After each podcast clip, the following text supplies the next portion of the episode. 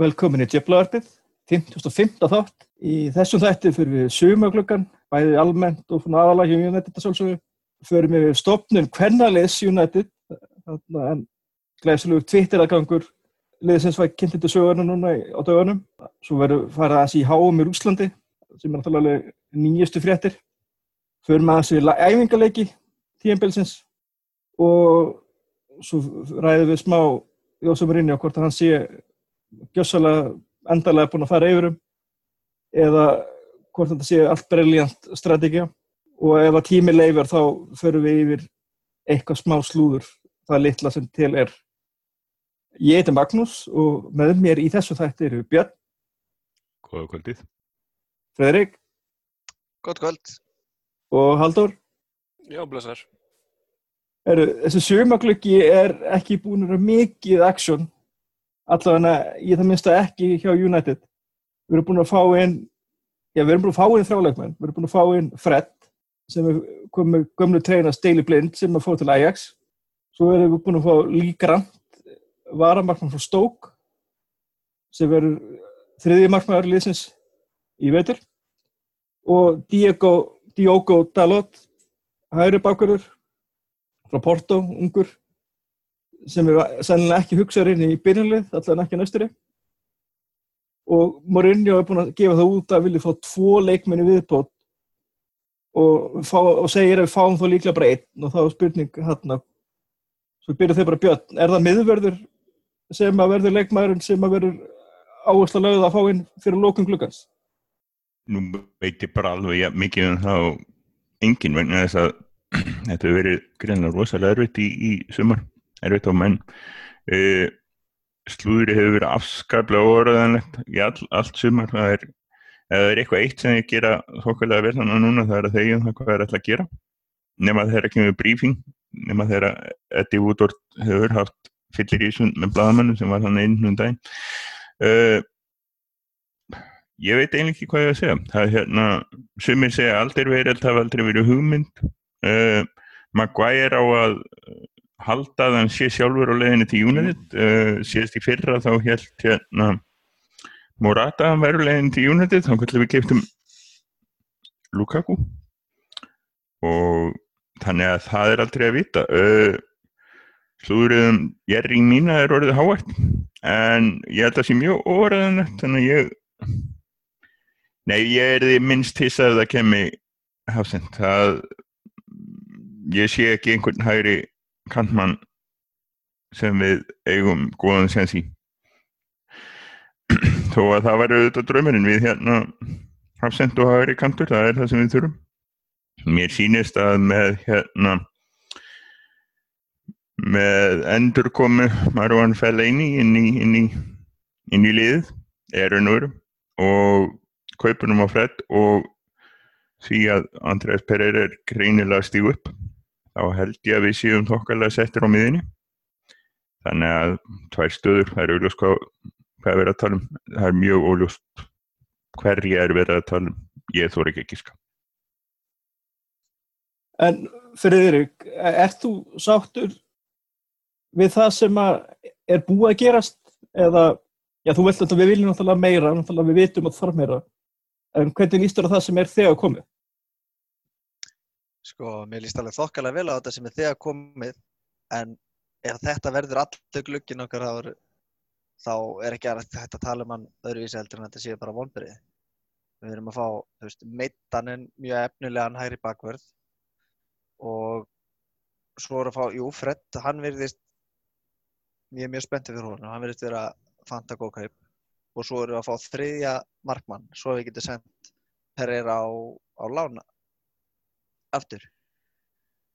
Við þurfum alveg alveg klárlega mest á svona solid 38 leikja leiðtoga í hjartavarnarinnar og við erum bara búin að vera með menn sem hafa bara verið mjög óöfnum með meðist og hann, jú, ja, Mourinho talar um að hann, hann vilji fá tvo það er alveg augljóslega hæri kantur og, og miðverður og ég held að miðverður sé alltaf að fara að tromba hæri kant ef hann þarf að að ef hann þarf að sérst, sætta sig við bara einn og ég jú, jú, ég var rosalega heiti fyrir Viljan á hæri kantinn og, og, og Tóbi í miðverðin.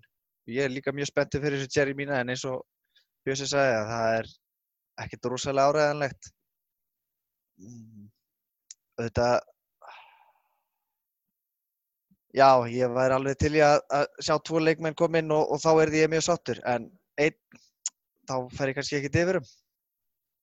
En Ha- Halldór, hérna, við erum nokkuð við sammála hinga til að, að miðvörður sé nákvæmlega sem að ætti að vera priority og það er kannski gott að, að það virðist vera allavega með að það takmarka slúður sem að, maður finnur í dag. Þannig að, Já, já. en, Jú, en, það, ég- hvað sér ég? nei, þeir ekki bara, það er bara, Jú, það, ég meina, það verðist vera, sko, maður veit ekki hvort að það sé þá bara því að blaðamenn séu einmitt búin að spotta það að það sé líklegast að, að það sé eitthvað í kringum það og kannski þá frekar að, að reyna að finna eitthvað og búa til eitthvað ef þess starf, en maður veit það ekki alveg, en en svo er spurning líka maður að sé þú veist liðin í kring sko að því að veist, eins, og, eins og að vera að fá sko eins og núna nýjasta sem, við, sem að var að koma áðan sem var með bóa teng eitthvað þú veist ef að United ætlar að kaupa miðvörð þá er spurningum að, að fara bara all in og kaupa þá bara einhvern eigða þá bara fullt af penning og kaupa einhvern alveg heimsklasa, heimsklasa miðvörð frekar en að vera að kaupa einhvern svona einhvern sem er dottin úr náðinni hjá einhverju öðru liði eða, eða svona, þú veist, þannig að ég ég veist það svolítið svona, svolítið skrítið hvernig, hvernig félagið er er að haga sér og, og veist, það, sérstaklega þá ef það kemur ekkert í viðbúta því að þá er þetta í rauninni þetta er í rauninni ein kaup þá sem er eitthvað að fara að gera inn í liðið. Allt hitt er, hitt er veist, eh, til þess að koma einhverjum á láni eða, eða hugsa til framtíðar. Þannig að þú veist, ein kaup ég meina Fred er þú veist, hann er, hann, hann, ég tel ekki líklegt að hann muni reynast einhver garrik kaup þar sem að ein kaup eru nóg til þess að til þess að svona að, það- að það sé einhver líkill að því að, að opna fyrir alls konar sko. Þannig að ég, ég myndi alveg telja að liðið þyrfti meira á meira halda. Sérst, sko ef að markmiðið er að berjast um titilinn sko, er víst það er ekkert víst að það sé markmiðið sko. Nei, nei, en ekki þegar Karri kemur inn að þá er vörnin sem við erum með þá Evra, Neville, Ríó Ferdinand og Vítits, en það er ekki svo að vörnin hafi verið eitthvað vandamál. Nei, nei, nákvæmlega, nákvæmlega En svo er klálega þetta, ég held að sem nefnilega eins og Björn kom inn og sko sem er fella inn í og Pereira kom hérna inn og svona að fred okkur gætum verið bara þokkalega statið við miðjunni núna í kannski svona 2-3 tímabil. Allavega, allavega 2 tímabil. Já, já, algjörlega og ég er samlað því og, meiri sé að maður bara nokkuð spenntur fyrir miðjunni þú veist að það var kom alveg tímabil uh, þar sem að miðjan var alltaf einhver þú veist að tala um að United væri svona eins og kleinurhingu bara vantaði miðjuna. En þú veist þessi leikmenn sem eru núna og eru dett inn að þetta er veist, þetta er alveg frekar spennandi hópur þannig sko, þú veist, ef hann finnur sig ef að leikmennum finna sig, ef að Pogba er í stuði, ef að Fred finnur sig almennilega, ef að Pereira heldur áfram á sömu braut, ef að Ander Herrera er í stuði og svo kemur náttúrulega minn maður og getur uh, retta deginu með að þarf að halda hárpróði belgin, veist, það, það, það er það er ákveðið svona ákveðið í þessu. Og Matils náttúrulega gefur svona ákveðin ákveðina ákveðið traust þarna líka, þannig að þú veist ég hef, ekki miklar ágjur af, af miðunni og, og, og í rauninni er, er maður einmitt spenntu fyrir því að, að, að það er svona ef að, ef hún finnur sér almennilega þá, þá getur það alveg gefið liðinu gríðarlega mikið en það er bara þessi, þessi spurning þá með hægri kantin og einmitt vörnina og, og það náttúrulega var hann í byrjun augljóst að, að United var að pæla alvarlega að kaupa vinstri bakvörð og það náttúrulega virtist að fjarað út og, og meðan bara ákveða að taka sénsinn á að, að, Young myndi halda fram að eiga góða leiki eins og á HM og að Luke Shaw myndi í rauninni stíga upp, hann fær henni sénsinn til þess að, að, gera það og þá bara vonandi að nýti það. En, en það var greinlega eitthvað sem var verið að hugsa um að kaupa og maður skilur alveg af hverju það var. En hann að hérna en ég, svona þegar suma, þegar glugginn fór þegar tímabilinu lauk þá átti ég vona á er eitthvað meira búið að gerast á þessum tímabóti. Alveg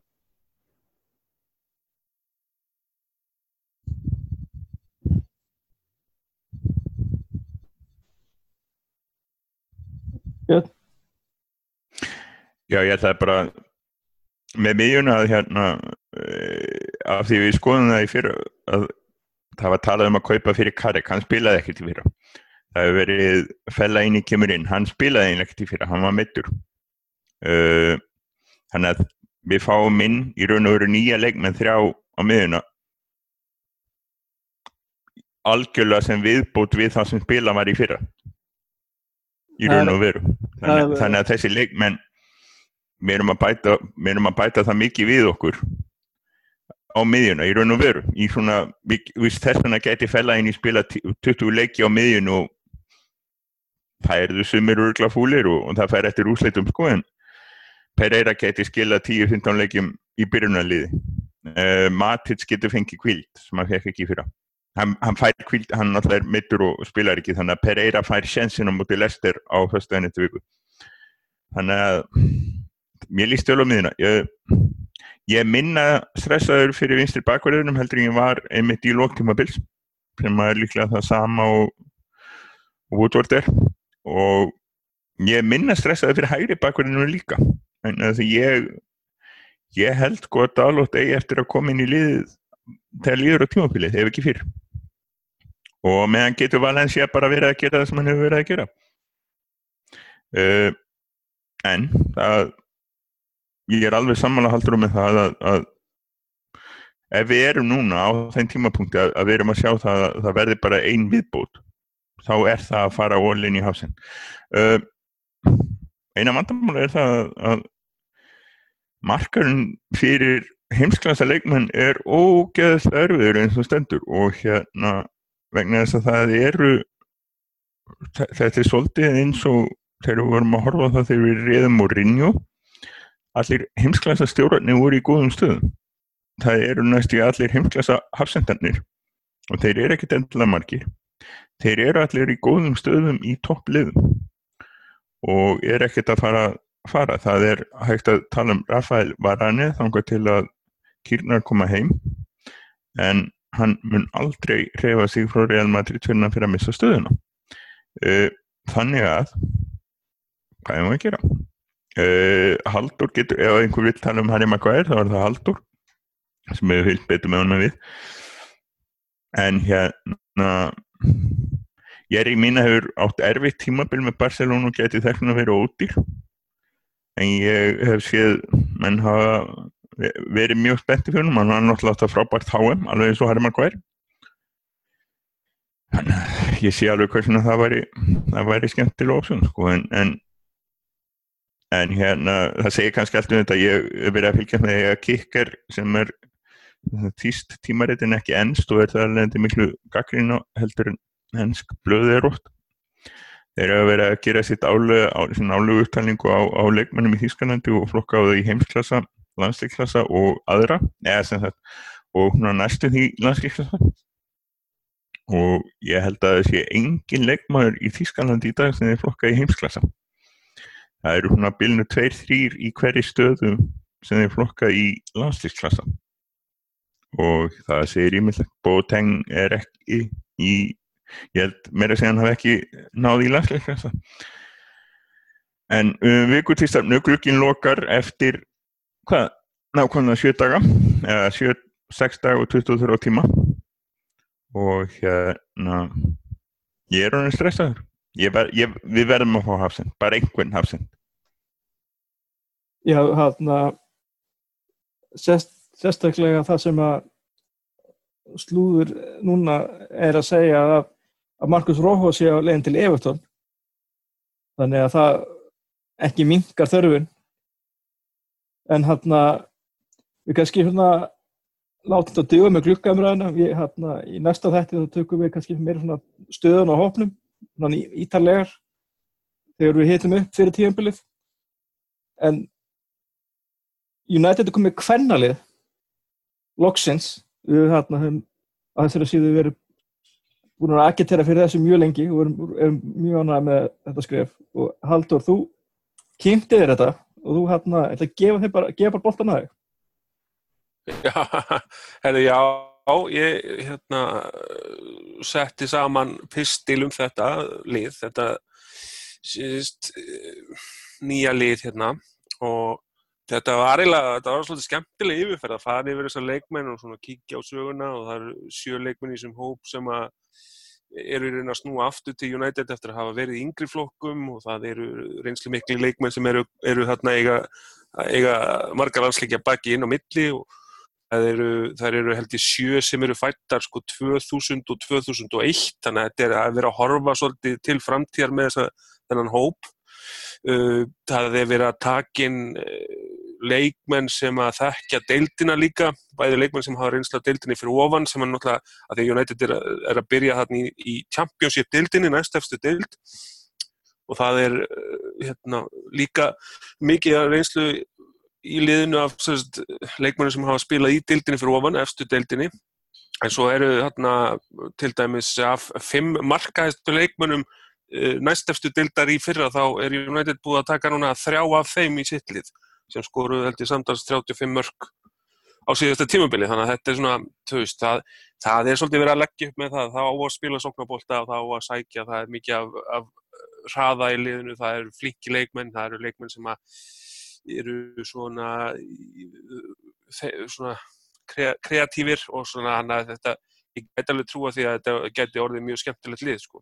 En það náttúrulega að teku tíma að setja saman svona alveg nýtt lið en sérstaklega þegar eins og þjálfari liðsins er, er í rauninni nýbúin að leggja skóna hittuna sjálf sko en, en hefur traustan mann með sér sem aðstofamann sem hefur einmitt reynslu af því að fara með lið upp úr Championship-bildinu og upp í afstudild. Þannig að þetta er eiginlega, þetta er virkilega spennandi, spennandi lið, þetta er svona einmitt, maður sér svolítið, einmitt eins og ég kom inn á pislinum að, að ólíkt því sem er í gangi á markanum með kallarlið þá sér maður skýra stefnu í gangi með hvað liðið ætla sér að gera og, og það er mjög ánægilegt að sjá það.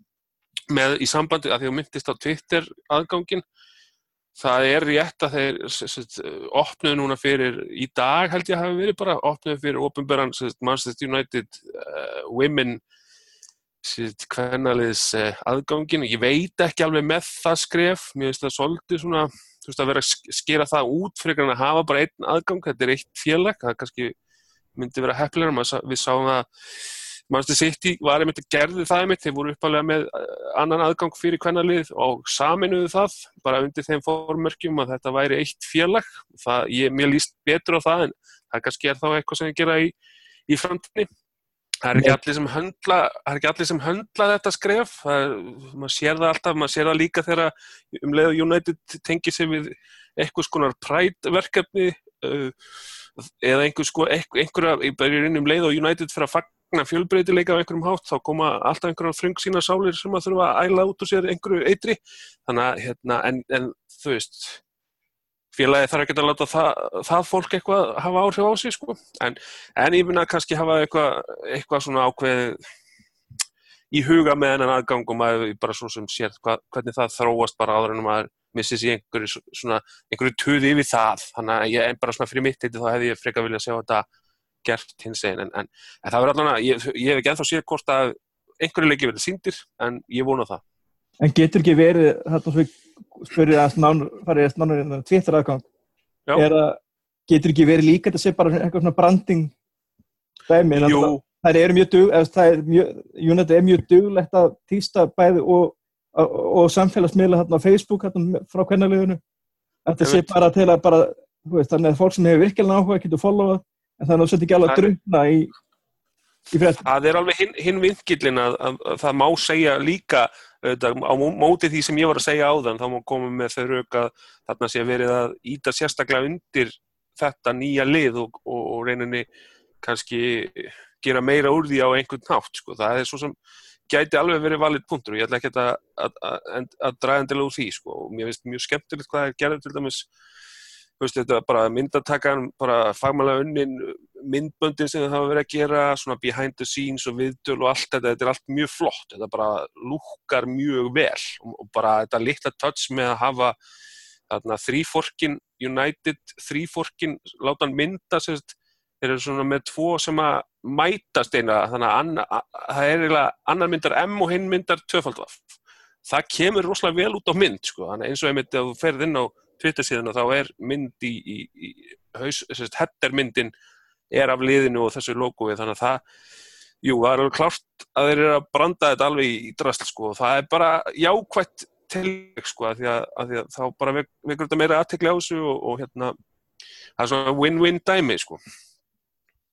Akkurat, ég held að þetta verði þannig að það, það verður vonandi og öruglega reglulega fréttir og reglulega Twitter en, en Já, þú, og svona við, við sem að viljum fylgjast með kvennaliðinu almennilega, við höfum þá, þá geta þær virkilega dælt út öllu sem að við þeim kemur á þess að svo, ég menna með það að United er akkurat eins og þú segir með præt og annað slíkt, þeir eru ekki trættir við að dæla út því sem að hérna smásálinnar þól ekki. Þannig að ég efast ekki um að við fáum reglulega fréttir á aðal Twitter af, af kvennaliðinu Já, ég, er- ég reyndar er alveg sammála því. Ég hef að því að þeir verði duðlegir mitt að koma með kannski, kannski stóru fréttinnar þar og þá uh, er, geta þeir farið mitt út í minni svona dag, daglegt einmitt, þú veist, þeir eru að koma með myndir af æfingum og svona, það getur þá verið bara dæla því út á, á hinnum aðgangnum. Þannig að mjög að eins og sig, kannski á ég eftir að skipta um skoðun með þetta, þessi fyrstu viðbröð mín eftir sem líður á og maður sér hvernig þetta virkar. Það getur alveg vel verið. Sko. Já, Friðrik, þú ert bara sáttu líka, það ekki? Bara við, við þetta, er, ertu með eitthvað skoðun á, á sér Twitter áhenginum? Nei, í rauninni ekki. Það getur verið bara rosalega snið þetta einmitt á meðan þetta er svona nýtt að halda þessu sér og svo bara ef, ef til þess þarf að, að samina þetta. Ég sé ekki af hverju þetta verið eitthvað slæmt að hafa þetta í sitt hverju lægi sko. Og, hérna, en var eitthvað komið á hreint með hérna, hvernig verið sínt frá leikjónum? Er það bara MUTV eða? Nei, sko, ég veit ekki, að því að ef maður fer inn á, núna er, sérst, eru þeir líka, eru líka búin að vera svolítið með að endur, uh, hvað segir maður, auglýsa MUTV, þeir eru, eru konni með þetta í netsölu, þú getur keift að, þeir eru áskrift að MUTV og horti gegnum netið. Og ég keipti mér aðgang og þetta er, þetta er ljómandi fínt, sko, þetta er, ég gæti hort á leik hérna í, á túrnum um daginn sem var ekki síndur á MUTV sem er í, í myndlíklinum í áskriftinni sem maður fær hérna, hérna heima. Þannig að, hérna, Þannig að það, það, þú veist, þeir verða með leiki þar og alls konar útsendingar og, og, en það eina sem ég sé ef maður, ef maður skoðar hvað þeir eru að fara að sína, það er að þeir ætla að sína náttúrulega þetta hefðbundna, þú veist, og þeir sína, þeir minnast bara á það að þeir munu sína sko undir 23 og undir 18 ára leiki beint og þó svo minnast þeir á að munu sína svona behind the scenes og, og, og vera með fréttir frá kvennaliðinu. Og ég er ekki vissum endilega, þú veist, ég veit ekki hvort það verði bara ekkert sínt eða hvernig það er. Ég held að hljóti nú að geta sínt allan að heimaleikina en þú veist, ég veit ekki hvort það sé eitthvað svona höfundarétta dæmi eða, eða svona réttindamála dæmi og, og, ég veit að BT Sport sem er réttin að því að sína kvennaboltan í efstu deild en ég hef, hef reynd að finna, ég hef ekki fundið ennþá neinar upplýsingar um það hvort einhver hafi réttin á næsta efstu deild og hvort að MUTV ætla að sína, eða einhver annar, hvort að BT Sports muni sína, að því ég sko þú veist, það er alltaf aðtikla á Manchester United, þannig að maður svona, maður, maður, maður grunar það að ef að einhver sjónastöð er að sína kvennaboltan yfir höfuð þá mun hann alveg hafa áhuga á því að, sína, að allan að svona sína eitthvað frá Manchester United en ég hef ekki séð neitt en það, ég, maður vonar að koma inn bara stutt í stutt í fyrstu leiki, það er hann í Delta byggar 18. 19. ágúst sko, gegn Liverpool en, en Deildin byrja séðan ekki fyrir í, í, nei, í september sig þannig að maður vonast til þess að heyrast, heyra, heyra eitthvað af því fljótlega og þá náttúrulega komum við því til skila sjálfsög. Já, já, svo er rétt, er rétt líka bara að taka fram þannig fyrir hlustundur sem hafa áhuga þá munum við fylgjast vel með og, og skila af okkur svona, svona, svona þá umfyllun, þeir umfyllun sem við ráðum við í vetur af hverja lögnu og reynum að sjálfsögðu hérna ef við komumst yfir það að finna leið til að horfa á leikina þá mögulega verður eitthvað skemmtilegt gert með það. En svo ég hérna var í hérna það sem er þessu nýlokna HM í Rúslandi hérna það er ekki nefnum hvað þrjár vikur sér að eitthvað ég, ég veist að við, við séum einhver hot take afsökið íslenskura að hérna um hvernig þetta fór allt saman en við erum með heimsmestara í fótbolta í United Paul Pogba. Og svona en við kannski svo ég gef nú kannski bara þau Björn, þau all fólk hefur gaman að hlusta á þig að, að svona bara svona, hvernig fannst þér þetta háum í Úslandi? Ég ætla ekki að taka það langa umræðu Þetta var náttúrulega vel skipulagt og, og hérna, ég fór á alla leikina með Íslandi og náði að hitta Haldur einu sinni. Þannig að þetta gekk allt mjög vel skipulagslega séð og, og ekki við upp úr vasti þegar að þegar að völdin eru mjög þétt skipuð og auðvelt að, að hafa stjórn á mannskapnum. En þetta tókst príðilega eins og, eins og allir vita, allir vita. Uh, ég er einn af þeim sem hefur hort á alla HM leiki mögulega reynda að mista nokkur leiki þannig á einni HM líklega 2008 og eftir það hef ég slakað frá því að horfa á alla leiki niður í það að horfa á, á 95% þannig að ég hef aldrei á æði minni ekki síðan 1982 hótt á ég að fá að leiki á HM en þess að maður var að ferðast og svælast í mislegt þannig að ég veit minna um allavega riðlakefni heldur, heldur en flest þau sem að sátu heima og horfðu sjónvarpi það var náttúrulega bara rosa gaman að, að sjá að fullt af okkar mönnum stóðu sér vel. Uh, Lukaku fór allaveg í undanúslit og í hérna tóku brónsið og tók brónsið uh, englendingarnir okkar stóðu sér vel. Asli Young var fastamæður í liðinu sem að held ég einhver hefði hyrt pening á veðmálu síðan af einhvern tíman frammetti veitur allavega. Uh, Rashford vekk minni séns en við vonumst til en Jesse Lingard var líkið leikmaður sem var frábært og, og loðar góðu fyrir tímabili hann er einn af þessum fáu, hann er ekki einn af þessum fjórum sem ætla að mæta þremdugum fyrr nest, til, til æfinga. Hann fær sitt fulla frí. Og hérna já, ég hef ekki bara látað að spila á hægri kantinum, ég veitur hvernig væri það? Hmm, hann og Mata skipta kantinum á milli sín. Þetta var bara gaman. Og, og, og hérna eina sem hann gerist náttúrulega var það að hérna, Phil Jones fekk ekki neitt séns í vörninni en það skiljanlegt, ég hefði aldrei valið hann. Bara skemmtilegt uh, spennandi, góð úslitt uh, við hefum heimmeistra við hefum mann sem skoraði úslitt að líka heimmeistra kemna, eða ekki Uh, sem er fjóruði leikmann úr efstu deilt í Englandi til að gera það á eftir Martin Peters Sjófhörst og Emmanuel Petit. Þannig að þetta bara þetta var allt fyrir United var þetta bara held ég frábær háin allur reyti mistum engin, engan í meðslinnum allt í hennu hérna kemur ljósa að Nemanja Mattis var, var mittur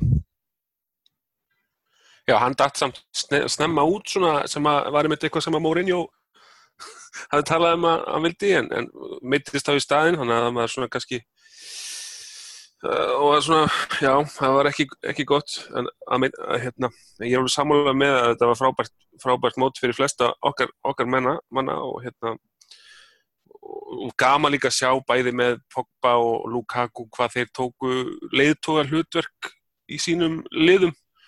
Hvorur með fyrirliðabandið en, en hérna, stigu samt upp og voru að halda ræður og, og hvetja menn áfram og bara, bara alvöru leðtúa uh, framist að, það var frábært og bara, sko, ég held ég hafi aldrei nokkuð tíman á æfinni síðan leikmann eiga jafn mikið í marki án þess að koma með boltan eins og þarna séu markið hjá Belgi og múti í Japan sem var bara gerð svona teiknað upp af, af Lukaku og hann snert ekki eins og boltan, það var bara stórkoslegt mark og hérna og ef hann finnur þetta heldur áfram á þessu formið þá bara þá verður það, það alveg brillant hann og, og með Sanchez veriðist vera í feikna formi og þá, þú veist alveg sama hversu hversu svart sínum maður er svart sínum maður er á, á gluggan og þá getur maður ekki annað en verið frekar spenntu fyrir, fyrir þeirri tilhugsun sko. og svo náttúrulega þetta er með að hafa, þennan, hafa hérna, heimsmeistara í liðinu er, er er geggjað.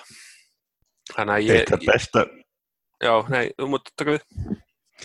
Þetta besta við háum er að Tíla komst ekki á háum þannig að við erum að sjá Alexis Sanchez eins og hann eftir, eftir góða kvíl Það er enda mjög góð punktur, það er mjög góð punktur og akkurat af því að Lukaku leiði svolítið fyrir það síðast að vetur hann fekk ekki nógu góða þjónustu þá erum við að vonast til þess að, að Sanchez geti, geti svolítið stíið upp og, og gefið honum þá þjónustu. Ég held að við séum að fara að sjá það sem að Mourinho sagði að, að Alexis Sanchez væri raun og veru sumarkaup og alltaf hugsun sem slík. Já, það er mjög góð punktur, mjög góð punktur. Þannig í raun og veru, sko, það er hluti af budgetinum í sumar er Alexis Sanchez og við verðum svolítið að hugsa um það. Uh, það er bara þannig að, að við erum með þá eigandur sem við erum með og við fáum ekki, þú veist sem ríkasta félagi, þá, þá er alltaf ákveðin, þó, þó við höfum vissulega keift dýra leikmenn Pogba og Lukaku, það er samt ákveðin þak á budgetinum sérstaklega sem sérst á því að við höfum verið að kaupa svona 10-15 miljón ódýrari statista heldur en ónefnt annað lið sem við þurfum að hafa áhyggjur af. Sem skiptir svolítið málið þannig að við hefum verið að kaupa 30 miljón punta menn í staðin fyrir 40 og, og það hefur skipt svolítið miklu máli þannig að stóru kaupin þau kom ekki alveg í staðin fyrir það. Já, annar leikmar sem að steg, mér fannst ég upp á háum var að Lindelöf með svíjum, hann átti fínt háum þannig að það er náttúrulega varnamæður sem að geti vonandi gert eitthvað það fengi eitthvað tjens ég veitur Það er mjög, það er mjög góð punktur hjá þér maður einhvern veginn glemdi honum svolítið þegar maður var að fara yfir þetta svona revit upp. Það, það, hann, hann átti mjög mjög gott sko þegar voru mitt bara mjög góðir í vörð þannig að svíðarnir, mjög svona vel skipulaðir og, og, og öflugir og hann einmitt fittaði vel inn í þetta og, og hérna einmitt svona först leikættri og svona voru styrklegi líka og þetta bara flott framist að hjá hann og það einmitt kemur hann vonandi að meira öryggi inn í inn í, inn í vindrin Svo, vissulega, en svo hérna svo skipti aftur umræðinni nema ekki nema hérna Friðrik sem, ert þú með eitthvað teik á þessu háum sem vilt góða framfæra ára en ég æði í næsta umræðinni? Nei, ný, svo sem ekki, en þetta var bara afskaplega skemmtilegt HM og skemmtilegt hvaða svona voru mörg surprises og, og í rauninu hvað litlu liðin náðu langt. Það er náttúrulega verið indislegt við hefum komast upp á kostna Argentínu sem var reyndar ekki raunin. En svo fannst mér líka bara rosalega skemmtilegt sko, ég man ekki hvað voru margi leiki búnir á þeirra það kom loksins 0-0 döðu leikur sem var bara eða munið eftir hvernig háan var 2010 í Suður Afrika sem var skorað 0, eitthvað mörg í meðaltali leik fannst manni. Ég held að, ég held að þessi leikur sem, leikur sem við vorum að tala um sem var frakkan Danmörk það, ég held að það sé eini markalösi leikurinn í keppni. Það var eini markalösi leik það, það er rétt sko. Og það var bara því að bæði liðin þurftu bara jæftöfli og þetta var bara svona ákveðið samkomið við lag og, sko. og svona. Þannig að já, þannig að þetta var, þetta var mjög, ég samanlega, þetta var mjög skemmtileg mjög skemmtileg keppni sko. Það er kannski vinkill og það hefur verið svolítið talað um það eftir HM og meðan HM stóð. En á ástæðinu fyrir því að voru mikið af mörgum skoraði var varið? En indæl og blessaða var sem var rifist hansi mikið upp og, og vissilega var svolítið klúrað á og til en er klárlega til að vera í efstuteltunum kemur til Englands öruglega ekki núna heldur næsta vetur er segja eftir ár. Verður ekki mistardeltunni skilfnir? ég veitur uh, Nei, ég bara veit það ekki, er það? Nei, ég held ekki ég, ég held að það hefur verið að gefa það út og það verði ekki, UFA verði ekki með var. Alltaf ekki, okay. ekki þetta En það kemur þetta, það verður slípa betur eins og þessar ákvæðanir eins og ákvæðunum um hendi þannig úrslítalegnum sem mann átti aldrei að horfa á í hægri endursýningu samkvæmt reglum, breytireglum uh, hlutir eins og það verða snurfusæðir en við sáum með mitt sko að, að líklulegin fengu einmitt meira heldur en þeir hafðu fengið. Við fengum Íslandsfjökt til dæmis víta mútið nýgarju sem að átt ekki að gefa. Og það má deilum það hvort við síðan litla liða mútið nýgarju eða ekki. En hérna en við klálaði 2.0 ítla en hérna en það, það sem þetta sko það, það var eitt dæmum það þannig að hérna þegar, þegar að þegar að vari verður komið á fullt þá þá geta svona hlutir jafna svolítið út uh, og, og það er raun og verið slæmt fyrir okkur United menn en, en þá ætlar að breyta hlutinum Já, við, það er heldur það sem við, við, við förum þá kannski að fara að fá við förum þá kannski að fara að fá vítaspinnur dæmdar. Við höfum nú ekki verið að fá mörg víti síðan að fergi hætti. Ég, ég veit um eitt lið sem að hérna, hefur kvartað meir en önnur undan að fá ekki víti. Þannig að hérna þannig að þeir Ég, fannst einmitt varið heilt yfir bara virka mjög vel í þessari keppn og ég, þegar þú ert að segja þetta með, sko, með mörkina þá dettur mér í hug sko að núna var ábyrrandi mikil fjöldi af mörkum föstum, eftir föst leikadriði og það er spurning hvort að varið hafi áhrif á það hvernig menn eru farinir að verjast í föstum leikadriðum, hvort menn þóra minna að kljást, hvort það er séu hrættari við að eitthvað verið dreigið fram, hvort að það hafi áhrif á það að, að svona eftir hotspilnur og aukarspilnur fjölgi og hvort að hvort að það sé þá eitthvað sem að muni gerast í framtíðinni þegar að varið kemur inn á fleiri stöðum? Eða hvort, og kannski er ég að misleisa út úr því það, kannski var það bara meira boltin eða, eða eitthvað annað sko, kannski er mér bara að æfa meira fyrstleikandri eða eitthvað en, en þetta allan að svona datt, datt mér í hug út frá þessari varumræðu hvort að mögulega það geti haft einhver áhrif. Ég, ég, það Ég held að það- voru náttúrulega dæmt víti og sem að voru skoruð og það voru oft einu mörkin sem voru skoruð í leikjum eins og svíjarinu gott ef ekki söðu kóru 1-0 einmitt eftir mark sem var dæmt, var ekki bara dæmt með var með þessu? Jó, en það, en það, sko, umræðin var líka að það var bara fleiri mörk eftir fest leikandri, hvort sem var beint úr aukarspilnum eða vítaspilnum eða, eða hvort það var eftir sko, Já, ég skil þið. bara, úr, bara beint úr föstum leikand uh, Já, það var, var alveg ábyrjandi mikið sko, ég held að það hafa verið hæsta hlutfall af mörkum sem hafa verið skoru úr flestum voru ekki, ef ekki, ef ekki allra tíma þá allan í langan tíma sko. voru ekki bara nánast öll mörk englendinga föst leikand Ég nema þarna þegar nema þarna þegar Kane fekk hann í hælinn. Já, það. og náttúrulega, og náttúrulega markið á Lingard. Geggja mark. Já Lingard það er ekkit föst leikandri, hann er, hann er föst leikandri Já, hann er, já, nákvæmlega. En- annars, annars, það, það, það var alveg talið klárt að þetta væri, væri út af varinu. Það, var, það voru margir alveg rosalega sammálu um það að það væri ástæðan fyrir þessum föstu leikatriðum og fyrir mörkun. Og ég held að þetta er sér nákvæmlega eins og þú sagðir Haldur. Það verður minna peysutók og það verður, sko, það verður auðveldara svona bleitan peysutókin í teig og að halda inn í teig. Mhm. Það eru hlutir sem dómari mun kalla eftir vari á. líka því að þú Það er, Þess vegna er United að selja, akkur haldur að United sé að selja Róhu hann er bara fannst Rocco líka- er ekki ég held að menn hafa nú ákveðið að selja Marcos Rocco þegar, þegar að, hérna, þetta var eins og brandan í tinnabókinu þegar skafti og skafti voru að keiri í yðumörkinu og bílinn tók ramurðum og annar þeirra held að þeir væru stopp og steig út. Já, það var stemmingin þegar Bappe og Marcos Rocco áttu, áttu stið það er rétt að ég held að, ég ætlaði að mynda að segja með Lingard sko að hérna, ég er ekkert hissa að hann fáið fullt frí, ég held að hann hafi yfirleitt hlaupið mest í öllum þeir leikist sem hann tók þátt í sko, hann hafa mikil yfirferð á honum sko. Og náttúrulega bara flott mót sko. En með er öllum fyrir utan rússa hljópan held ég bara mest allra hann í kemninu já, já, fyrir utan Rúsa hann, Já, hátt. ek, við teljum það ekki með Nei, nei, en með ég, hérna, ef hann fer á sko 30 miljón pund, þá verður hann þriðji leikmaðurinn sem fer frá United á yfir 25 miljónir á eftir Ronaldo og Di Maria. Sem er sturlu starrend.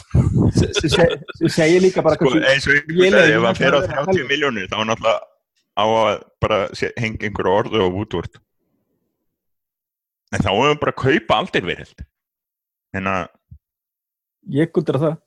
Já, algjörlega. í það er, það er hægt að tala um sko, ég er manna óhrifnastur af þessum 29 ára gamlum leikmannum pælingum hjá Mourinho.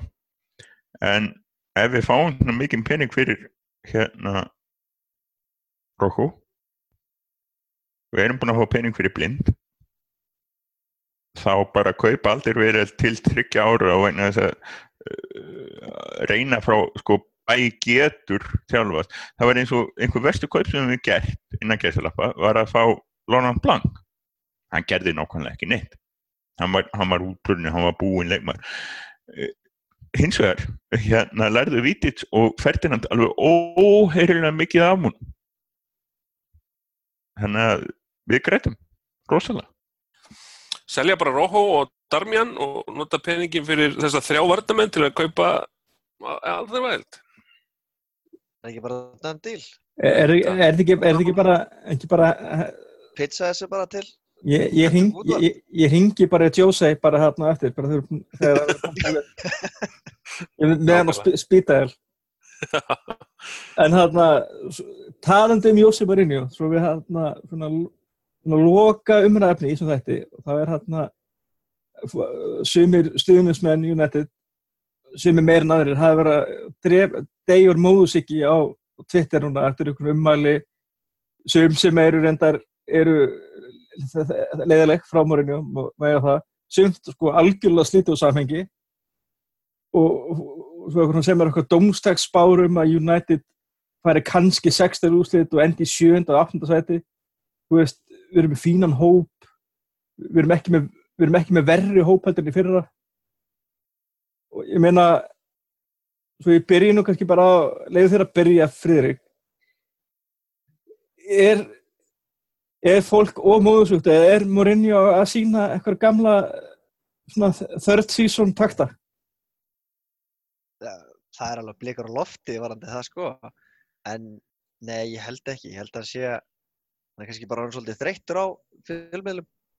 Og þú veist, ég held að sé alveg virkilega ólíkt það sem segir við þá á, frétt, á hérna, fréttamannafundum og svo það sem hann segir til dæmis við staffið og við liðið sjálft.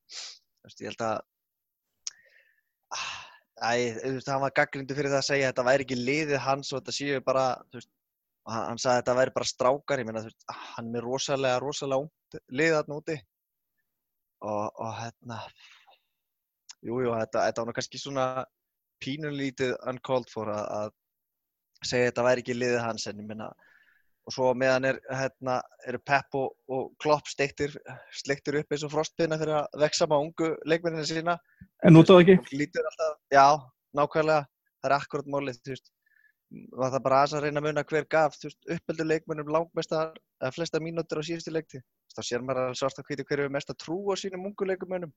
en, en þetta er svo Guardiola sem að var með laust sæti á bekknum í staðin fyrir að setja inn leikmannum úr yngri flokkum. Það segir bara nákvæmlega um hvað hvað hann er mikill hérna mikið í orði þegar kemur svona málum.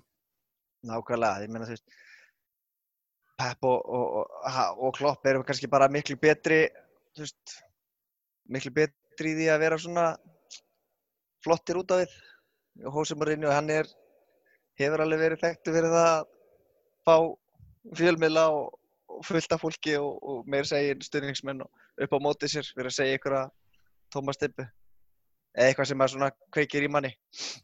Mér fannst er þeim þeim þetta ábyrjandi sko, maður las viðtöl við leikmenn eins og bæði Luke Shaw og And Andreas Pereira sérstaklega þar sem þeir voru að tala um hvað Mourinho væri að gera, hefði verið að gera mikið eins og Luke Shaw var að tala um að hann hefði sendt honum skilabóði í fríinu til að peppa hann áfram og, og, og þú veist, myndist með þessi á það að hann væri þú veist, hann væri ekkert svona eins og hann er í fjölmjölum á æfingum, væri, þetta væri bara allt annað. Andreas Pereira talar um það að, að hann hefði talað reglulega við, við hérna, Mourinho og meðan hann var í láni, talar um það þú veist, hvernig hann er á æfingum og þeir stundu þegar þeir eru einir þá talaði, saman á portugalsku og bondið þannig og bara þú veist, og, og tala líka mikið um það að það hefði verið Mourinho sem sá í honum miðjumannin og núna líti hann bara á sexuna sem sína stöðu. Eitthvað sem hann gerði ekki áður en hann bara, hann blómst þú veist, hann hefur bara einhvern veginn þú veist, gripi það að, að þú veist, það sem að Mourinho sá í honum. Og það, þú veist, þetta, þetta einhvern veginn fannst, finnst manni meira þegar maður les svona þá finnst manni meira við, það meira virði heldur en eitthvað sem að Mourinho segir þegar hann er pyrraður út af einhverju og nennir eiginlega ekki, ég held, ég, veist, ég held að Mourinho sé bara þannig að hann er ekkert, hann- hann nennir ekkert mikið að díla við fjölmila það er svona sá partur af starfinn hans sem hann nennir sennilega minnst. Hann vill bara vera, veist, hann er bara knaspinnustjóri og bara þjálfari og vill bara vera það, en svo þarf hann alltaf að díla við fjölmila sem snúa út úr öllu sem hann segir. Og þá bara snýr hann upp í eitthvað svona kaltaði grín og þá snúa þeir ennþá meira út úr því. Og þetta er bara svona, þú veist ef verður það er eitthvað sem hann, ef það er eitthvað sem hann er orðin þreyttur á þá er það held ég fjölmila svona bara það að þurfa að díla við þá. Þannig að Þeir eru sérstaklega leiðilegir hérna á Englandi líka. sérstaklega leiðilegi við hann af því að, þeir, að þeir, allir fjölmjölar vita það. Ég, meina, ég veit það alveg eins og bara fótbolti.net hérna á Íslandi, ég veit það ef þeir skrifa grein um Mourinho sérstaklega ef hann er að töði yfir einhverju eða að gera eitthvað veist, það verður mest lesið bara strax. Þú veist, það, þú veist að, bara hvað hvað voru hérna, held ég 20 vinsælustu fréttirnar á fótbolti.net það voru flest um það hvað Mourinho var að segja. Veist, þetta er það sem er lesið, þetta er það sem fólk hefur áhuga á og hérna elskar að hatta og elskar að ræða og elskar að töði yfir, þú veist, bara hvað er Mourinho að segja? Það, veist, og, og maður, þannig að maður skilur fjölmiðla einhverju liti en maður skilur líka Mourinho að vera drullu pyrraðan yfir því, þú veist. Það er allavega þreyttan að því sko. Það væri ósætt ef maður væri að segja að maður væri ekki aðeins stressaður yfir hvað hann hefur verið rosalega eitthvað pyrraður. En þetta er okkur eins og Haldur segir, sko, okkur þegar þegar það kemur inn að, veist, Luke Shaw kemur og segir hvað hann hafi verið góð við sig. Eftir að hafa hraunað yfir Luke Shaw hvað er annað. Við höfum talað um þetta áður, oft áður og við höfum alltaf sagt sömur hlutina uh, þegar að Josie ætlar að selja leikmenn þá bara talar hann ekki um þá. Þetta var eins og þegar hann seldi hérna Memphis og Snædilin talaði ekki um þá bara þeir voru ekki til og svo voru þeir seldir í janúar.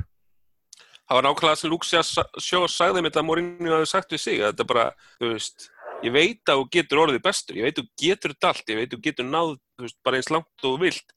Og ég myndi ekki ég myndi ekki láta svona við þér nema að því ég hef trúað þér sem er náttúrulega, þú veist ef að, ef að sko það afsakar ekki hvernig framkomur sem er að segja þetta, en augljóslega er þetta eitthvað sem að Luke Shaw hefur tekið til sín, þannig að mögulega er þetta að virka. Og við bara sjáum það eftir því sem líður á tímabilið hvernig, hvernig Luke Shaw bregst við þessu inn á vettinum en það er einmitt, ég held að einmitt þetta sé svolítið gert mikið út úr þessu einmitt að því þetta er svo þú veist, þú ert að, að gjör tryggja það að miljónum manna smelli á fréttina eina ef þú bara minnist á Mourinho þannig að Já, já, eða bara, eða bara United, eitthvað neikvægt um United þá oft klakkar í og ser það bara á kommentakjörum og svona við þessa frétti líka. Þannig að en við erum náttúrulega erum vanir þessu. Þarna, það verður leiðilegt ef, að- ef við verum ignoraðir. Já, þarna, algjörlega. við erum hataðir en aldrei ignoraðir. Það er, en það er reyndar eitt sem að sko, þráttið það, ég, mér, mér finnist margt af þessu sem að Mourinho hefur verið að segja slítur úr samengi og einmitt þar sem hann í rauninni að mínum að þið var ekki jafn neikvæður, ekki jafn fyrraður og ekki jafn leiðilegur við einn eða neitt eins og eins og, eins og sömar tilvittnarnir hljóma þegar það er slítið úr samengi að eins, já, já, þrátt fyrir það allt þá verð ég samt að segja að ég er mjög ósáttur við það sem hann talaði um það að Martial hefði átt að drulla sér tilbaka bara strax eftir að, þú veist, strax eftir fæðinguna. er, þetta ekki bara gamli skólinn svolítið Já, það er þá bara úrelt, sko. En ég, Ég- ég, ég- bara, ég- Þetta, já, þetta er Ég- ég- sko, en hann er, hann er bara, þetta er eins og Ferguson hefði, sko, sagt, sko, Ferguson hefði basically valla tekið í mála að hann færi í fæðinguna, hvað þá meira, sko. Nei, nei, og ég bara, Það- það er það sem ég er þannig að, líka að því að, þú veist, það er alveg sama hvort að alveg sama þótt að Mourinho, ef hann er búin að missa trú á, á Martial og maður, maður heyrir það í slúðri að það sé mikið spurningar um það hvort að Martial sé að fara og það sé verið að reyna að finna lið til þess að, að veist, og hann vilji fara og allt þetta. Alveg sama þó- hvernig sambandir er milli þeirra þá, þá, þá fannst mér samt að það ekki afsaka svona uh, þú veist, það sem hann sagði með það og bara gefði honum tíma mér, þú veist, hvað þá ef að síðan kom í ljós að það var eitthvað veikindi í gangi. Þannig að veist, Þetta afsakar þetta, hann var- þetta er bara skýrir þetta, þetta er bara úst, dónaskapur sem að, sem að Mourinho er of, of, of Þetta er heimskur og bara þrjóskur til að læra. Þetta er, Varðandi það, þá er ég alveg sammála öllum þeim sem að hraunir við Mourinho. En, en með margt af öðru þá get ég ekki tekið alveg undir það skilur Nei, mér finnst líka ég held að sé líka sko eins og tala um þessu ummæl oft sem við tekið um samingi og svona og svo náttúrulega, þú veist, hann þarf ekkert afsöku hann náttúrulega búið að lengi Englandi, hann er náttúrulega ekki að tjá sig á móðumáli heldur. Og það er náttúrulega þannig að en eins og, með, þú veist þú afgrið með þetta hérna, með Martial sko, náttúrulega, ég samfélaðir í grunninn að auðvitað, þú veist þú veist, átt á að sína meiri skilning með, þú veist, barn að fæðast og allt þetta. En þannig að bara, er þessu, þú erum að segja þetta séu guðbjörn svona svona old boy stemning þannig að erum við ekki að að taka undir eða, eða sammála þá er það því að við bara, það er útskýring en ekki afsökun. Ég ætla að vona það, ég, ég ætla að vona að þetta hafi verið, verið þannig að því að mann finnst eins og það hafi verið einhver svona samskipta örðuleikar á milli ef að, ef að var þetta rétt að félagið hafi verið að íhuga það að sekta Marsjál að því að vissu ekkert af hverju hann var ekki komið tilbaka og ef það var rétt að það var veist, út af veikindum hann, þá einhvern veginn hlýtur hann að, að, að bara hafa ekki haft samband við félagið og þá ég vona að það sé ástæðan að, Mar að Mourinho hafi í rauninni haldið að Martial væri að púla eitthvað stönd til þess að komast frá félaginu frekar en að þetta sé í alvörunni það sem hann finnst um, um þegar leikmenn fara á er viðstættir Já. ég, ég held að svo hérna eins og við máum að tala um þessu með Shaw hérna, við erum það erum ykkur æfingarsvæðir og það, veist, við heldum allir að, að Luke Shaw hataði mörgurni og vildi bara koma sér burtu. En þetta viðtalveg en það var bara gaf að, allt aðra mynda ástandinu. Og samanskapið þá er náttúrulega erum við ekki á æfingu, við vitum ekki hvernig viðhorf og, og hvernig hann leggur sér fram að Martial, þannig að ef hann er með eitthvað alltaf út úr vandamál og svo kemur þetta í kjölfari þú veist, ég held að segja, þú veist, þannig að ef þetta er svona eitthvað munstur sem við náttúrulega verðum ekki vitna. Já, já, en hérna, já, Þetta verður, þetta, en, en sko, Marcel geti farið, notabenni, hvernig hann lókar Evropaklíkin, lókar hann ekki lókmánaðinins frekar en þegar keppninu er hjá þeim. ég held að að hann lóki alveg í lókmánaðinins. Þannig að hann geti, sko, hann verður spurningamerki út mánuðin. Þannig að við getum ekki sett, ef, ef að United selur hann ekki fyrir lók okkar í enska klukkans, þá verða þeir að hanga á að það Virðulega. hefur lítið að segja að fá 60 miljónir fyrir hann í 23. ágúst.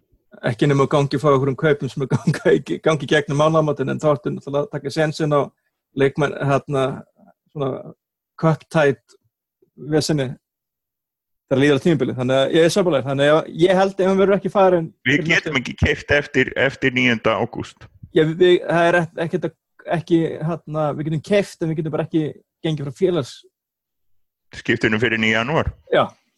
Já, já, Það ég skil hvað mennur. Þa, það sem ég held að væri hægt að gera væri þá í rauninni bara í mér svona grunar að það væri kannski einhverju dílar leistir þannig ef að lið í Evrópu kaupa le, leikmenn frá einskum liðum eftir nýjunda að þá mögulega væri að semja bara ok, þú mátt fara í janúar en við þurfum að fá mann í veist en, eða eins og bara taka þíska stílinn á þetta og bara selja leikmenn og þeir fara næsta sumar eða eitthvað.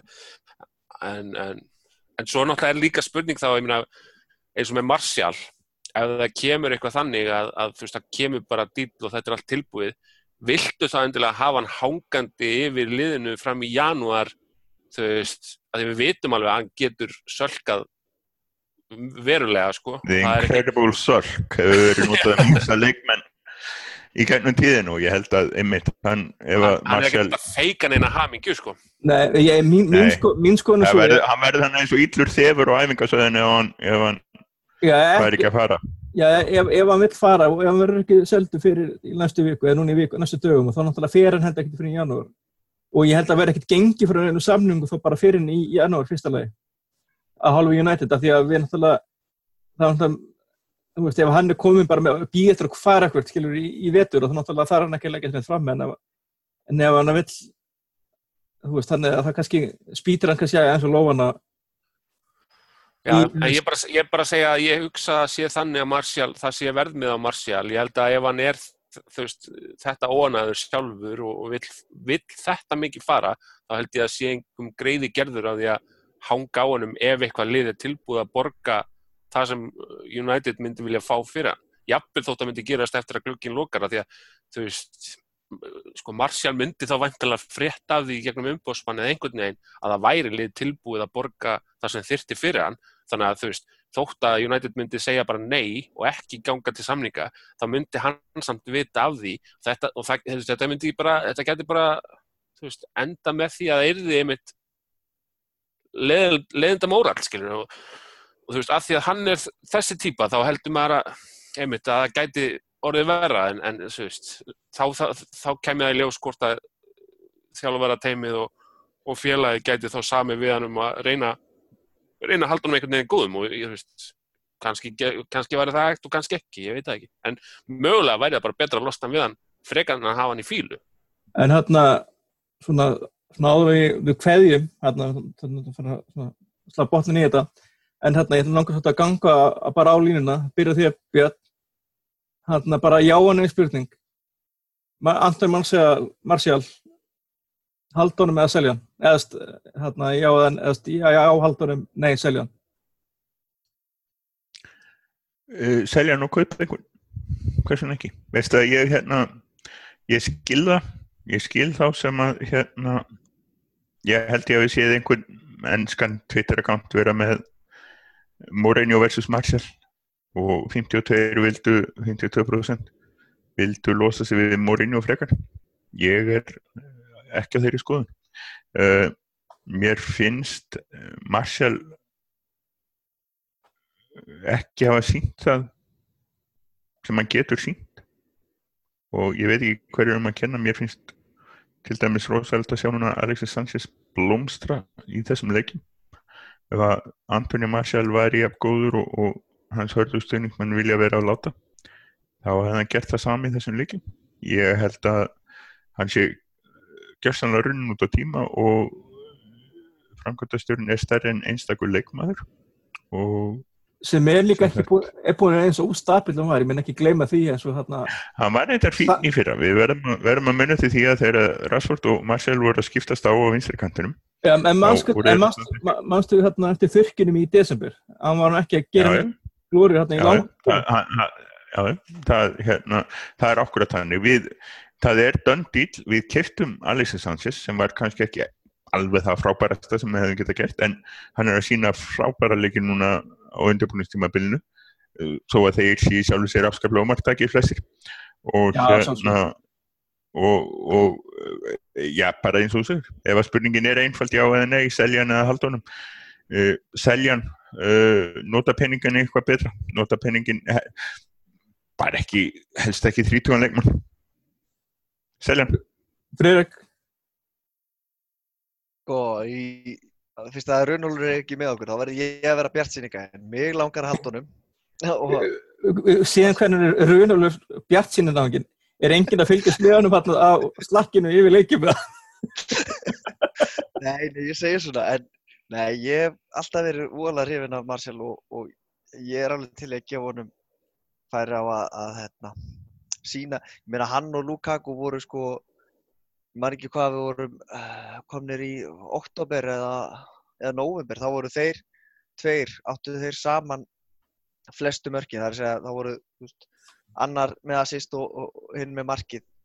Með flestu mörkin, jafnvel þó að Marcel var bara að spila í rauninni helmingin af tímanum sem að hérna, Lukaku var inn og ég held jú, jú, eins og þeir eru búin að taka í umræðinu, mér finnst þetta er rosalega skrítið með veist, hvort að þetta sé eitthvað í uh, leiðindi á milli þeirra eða hvort hann sé svona attitude pjessi en mig langar að halda honum. Mér langar að sjá hann ná svona full potential. Og þess vegna segi ég já, halda honum sko. Haldur, Ég, já, eins og stænir núna þá myndi ég vilja halda hann um, en þú veist, ég, það er samt svo mikið eitthvað hangandi yfir, þú veist, eitthvað svona sem að maður veit ekki hvað, þú veist og hann á alveg sína sök í, því hvað hann er, hefur verið óstöðugur og ekki alltaf staðið undir þannig að þú veist, það er svona, einmitt, virðist vera eitthvað svona attitút dæmi, en hann er líka ungur, hann er mjög ungur, Við, maður gleymir oft, bara ég sjálfur, maður gleymir oft hvað hann er ungur, það er á eftir að taka út þroska og, og, og hérna, getur kannski gert það bara hjá United og, og, svona og svona vaksið upp í þann leikmann sem að, þú veist, að því að, sko, þegar, ef, ef, þegar hann er hittir á form, sko, þegar hann er, hittir á eitthvað, þótt að sé eitthvað eitt hlaupið eitthvað, þá er þetta bara einna allra skemmtilegustu leikmannum í deildinni, sko. Þannig að, hérna, veist, það er svo mikið potential í honum að, að, að þess vegna er maður svolítið hallur á því að, að, að vilja halda honum þótt ég skilji algjörlega hvað hann bjössir að koma með að, að vilja bara klára þetta og halda áfram og, og, og fókusera á eitthvað, eitthvað annað en þetta, sko. ég, ég Það hérna, er leð, það er mjög leðilegt að fókusera á, á fíluna í honum, sko. Sko, þannig að Já, en hann, hann, hann tala það, ég er sammála svona, þá er, þetta er svona hung jury eins og við tala um. Það er engin að, já, þannig að verður þetta- bara, þessi umræð verður tekin aftur. við en að fá hann- úrslita atkvæði bara í kommentarkerfun með eitthvað, ég veit ekki, hvernig hefum að leysa þetta?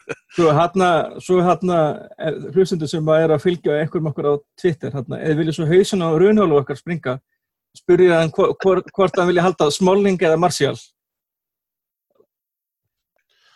Endilega tístið á hann, raunhólu 21. En hérna, strákar, takk bara kjallaði fyrir að vera með mér hérna í svo þætti. Það er bara gaman að vera komin aftur í, í, í podcast. Það er ekki, ekki, ekki, ekki að heyri ykkur lóksins eftir sömurið. Það var líka fínt að frá pásu frá. Það, það, það vartaði reyndar að við hefum tekið svona hálf tími að spjalla um leikina, uppbytunuleikina, þannig að þeir voru allir svo áhugaverðir og, og góð, nei, fyrir ekki. Svo Já, tó- tó- em, ég, ég, ég, ég var að vona að hlustum myndi að hætta að taka eftir því að við, að við tókst Nei, að, skveita fram hér. En- ég, ég vissum að, að hlustendur munu taka eftir þessu og fyrir ekki okkur. það var þetta, sko þetta endaði náttúrulega vel. Það verður að segjast að, að, að ná Ja. þessum sigra, mútið Real Madrid, Það er alltaf gaman. Líka sérstaklega með þegar, þessum haft, sérstaklega þegar haft er í huga að síðasta kortirið eða svo, þá var hérna nánast allt United-liðið eftir sem að byrjaði leikin á meðan það var einn leikmaður Real Madrid sem að spilaði eitthvað í fyrirháleik og þeir voru búin að setja inn á sko, þá voru þeir búin að setja inn á Krús og, og þessar sterkustu menn þannig að, að, að ná að halda vördinni í rauninni á, á þeim tímapunkti fannst mér bara drullu vel gert sko. þannig að þú veist, maður verður að taka bara einhvern veginn í ákvæði punktun þessu þótt að heilt yfir þá má alveg setja spurningamerki líka en, en þegar veist, alvaran byrjar eftir, eftir hérna, rúma viku og þá, þú veist, þá kemur þetta betur ljós bara. Algjörlega. Og hérna, já, ekki, hérna, ég hugsa sér lægi, hvað var að hinna meðlemi hérna sem er mér hérna í kvöld, en með smá tilkynningu fyrir vetunum framöndan, en hérna, þeir bara verið að týsta á Runolf ef það gengur ekki eftir að, að við munum stefnan í vetur verður að hafa vikur ett podcast. Og hvort sem verum tveir eða fjórir eða fimm bara eftir sem að eftir því sem bara gengur smala mönnum saman. Og við reynum að vera með okkur 15 kvöldum og byrta kannski sent á 15 kvöldi eða snemma á föstusmorgun þannig að við fylgjast með því og, og hérna ég vil þess að og við næsta þætti þá verðum við tökum svona uppbytun þá er þetta dæmið svona afgreitt og vonandi þurfum við ekki að tala meir um eitthvað, að Mourinho sé að missa eða eitthvað annað. Við viljum hérna bara svona yfir svona, kannski hvað svona liðin í kringum okkur. Svona topp 5-6 liðin hafa verið að gera á markaðunum og svona. Og hérna reynum að gera eitthvað sk- skemmtilega tökum inn hérna eitthvað svona mat á, ekki öllum hóttum okkar en svona þessum leikmönnum eins og Fóksum Mensa hver hans staða verið hugsuð András Pereira og, og svo framvegis. En hérna við hérna verðum bara með ykkur til viku. Takk fyrir að hlusta